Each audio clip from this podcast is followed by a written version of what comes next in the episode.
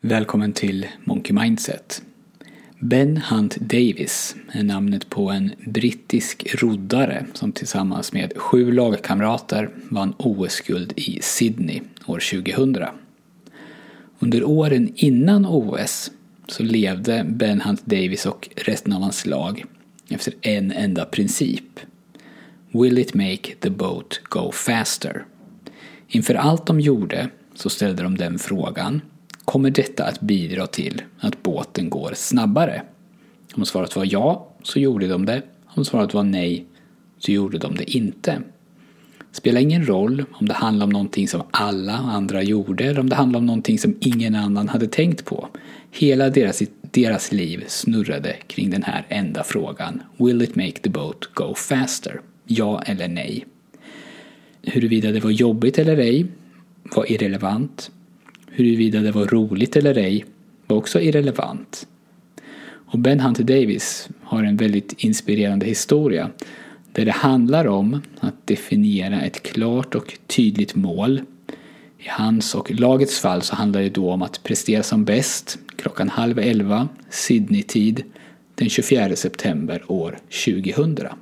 Och det var precis vad de lyckades göra. Men en av poängerna när Hunt Davis berättar sin historia är att trots att det för gemene man ser ut att så otroligt mycket definieras i ett enda ögonblick, i det här fallet att vinna OS-finalen, så är det allt jobb som har gjorts fram till dess som är det verkligen viktiga. 99% av prestationen sker innan själva prestationen. Vill man vara på en nivå som är världsklass så behöver man förbereda sig på ett sätt som är världsklass. Man behöver leva sitt liv, hela sitt liv troligen, på ett sätt som är nära världsklass. Det går inte att vara medelmåttig sex dagar i veckan och sen prestera på topp klockan tre på lördagar. Det är lätt att tro att någon slår igenom över en natt att den där författaren hade tur som nästan snubblade över en bästsäljare eller att för den där personen eller för den där familjen eller för det där paret så funkar allt så bra. Det ser så lätt ut. De har sån tur. Men vad man oftast inte ser då är ju allt jobb som har gjorts och som fortfarande görs för att få det att fungera så bra. Om en författare har skrivit fem böcker som har sålt relativt dåligt och sen slår igenom med bok sex så är det inte tur. För att han eller hon har, har ju hängt i, blivit skickligare på sitt jobb och inte gett upp när i stort sett alla andra skulle ha gett upp. Sen kanske det är en slump huruvida bok 4 eller bok 6, bok 11 eller bok 19 blir den som ger genombrottet. Men om det är något som karaktäriserar arbete som är långsiktigt värdefullt så är det att själva belöningen för det inte kommer omedelbart utan på sikt. Och I avsnitt 37 så pratar jag lite om det här bråttom viktigt, bråttom viktigt matrisen. Och på engelska så kallas den ofta för the Eisenhower box, alltså Eisenhower som är presidenten. Om du vill googla på det. Och den här matrisen består av fyra rutor. I en ruta så anger man vad som är bråttom och viktigt. I en vad som är bråttom men inte viktigt. I den tredje vad som är viktigt men inte bråttom. Och så i den fjärde vad som inte är viktigt och inte är bråttom. Det är lätt att bara befinna sig i de två rutorna som är bråttom. Och jag kan tänka mig då förstås att för Ben Hunt Davis och hans lag så var det ju både viktigt och bråttom att få de sista detaljerna på plats, alltså precis under veckorna innan OS. Men före det så hade de fullt fokus på det som var viktigt. Trots att risken fanns, eller kanske till och med var en stor, att de här åren som de la ner av totalt fokus i efterhand skulle ses av omvärlden som ett stort slöseri med tid. Nu vet vi ju facit, men det fanns ingen garanti för att de skulle vinna. De hade också kunnat bli sjua eller utslagna i kvalet. I boken Mindset, som jag pratat om bland annat i avsnitt nummer 12, så skriver författaren Carol Dweck att personer med ett visst mindset, det som hon kallar för statiskt, intuitivt ser på vissa saker från en synvinkel som ser ut ungefär så här. Om det är svårt så betyder det att det inte funkar.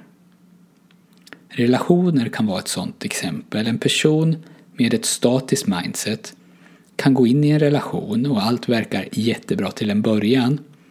Men sen när man råkar ut för någon svårighet efter ett litet tag så ger personen upp relationen för han eller hon tar problemet som uppstod som ett bevis för att relationen inte var så bra som man först hade trott.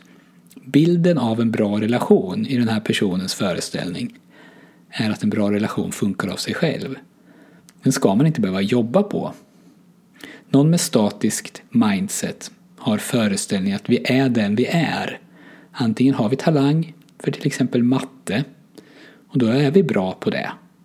Eller så är vi det inte och då finns det väldigt lite att göra åt det. Och om jag pluggar till ett matteprov och sen misslyckas så betyder det att jag inte är bra på just matte. Har man däremot ett dynamiskt mindset som är motsatsen till ett statiskt mindset i Carol Dwecks bok så ser man inte bakslag som misslyckanden. Man ser dem som någonting som går att förbättra. Och man ser dem ofta till och med som en förutsättning för framgång. För om jag aldrig stöter på problem, hur ska jag då kunna bli bättre? Ett statiskt mindset säger lite förenklat att jag är den jag är och allt som jag gör det blir då en bedömning på vem jag är. Om jag inte klarar någonting så betyder det att jag är dålig på det. Och vissa saker som talang eller IQ till exempel är någonting som man har eller inte har i den här personens sanning. Medan ett dynamiskt mindset säger att allting är relativt. Den jag är idag behöver inte vara den jag är imorgon. Och det är helt upp till mig och om jag jobbar hårt på någonting så är chansen stor att jag utvecklas inom just det området.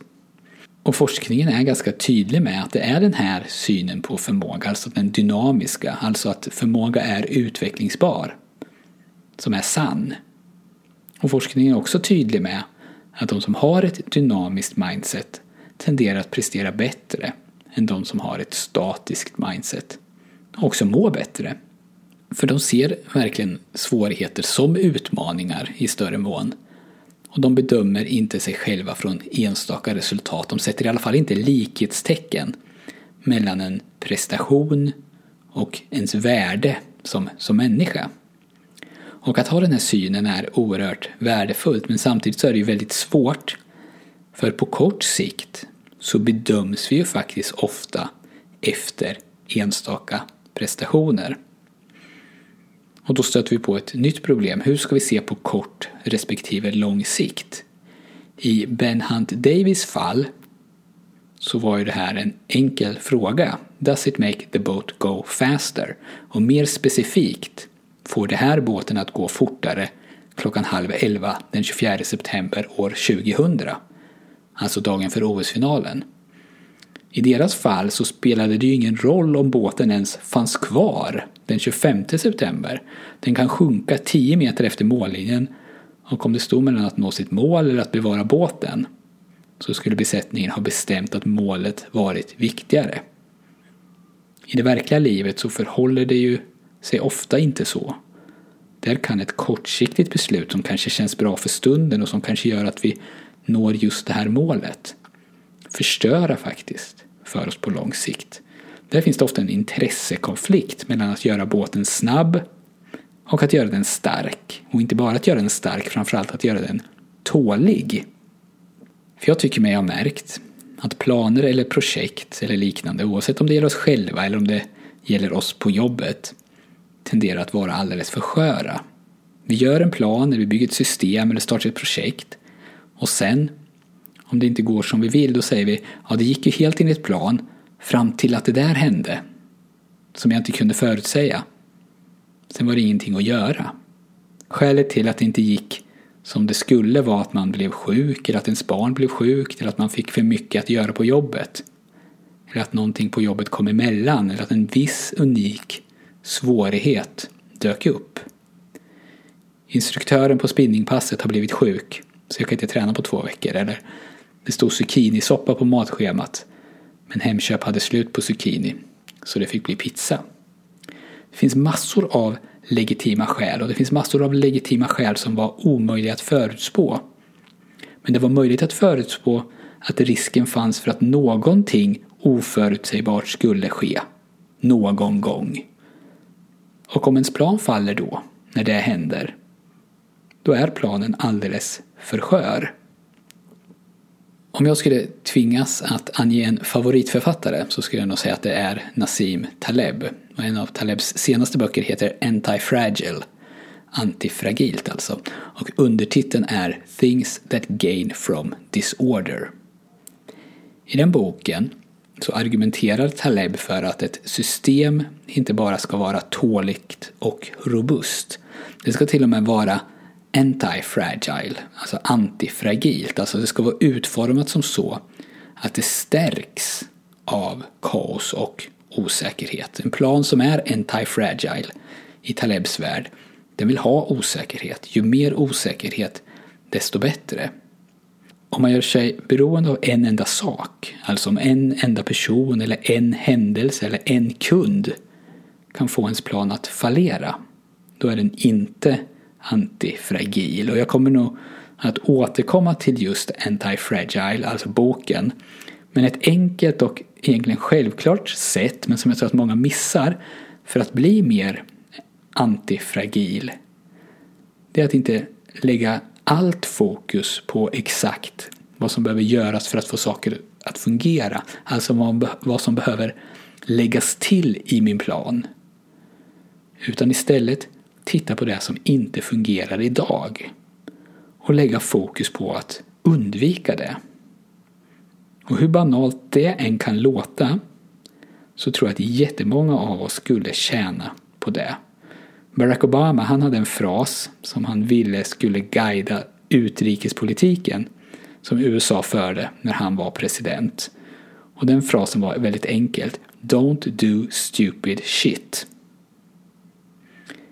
Så istället för att försöka förändra hela ditt liv med nytt gymkort, ny diet, träning på lunchen och så vidare så kanske det ger lika mycket effekt att sluta köpa ett halvt kilo godis varje lördag. Eller att bara börja sova åtta timmar per natt istället för fem och en halv. Enkelt i teorin, svårt i praktiken. Men för de allra flesta av oss tror jag en klar förbättring mot hur vi har det idag. Ta hand om dig och tack för att du har lyssnat.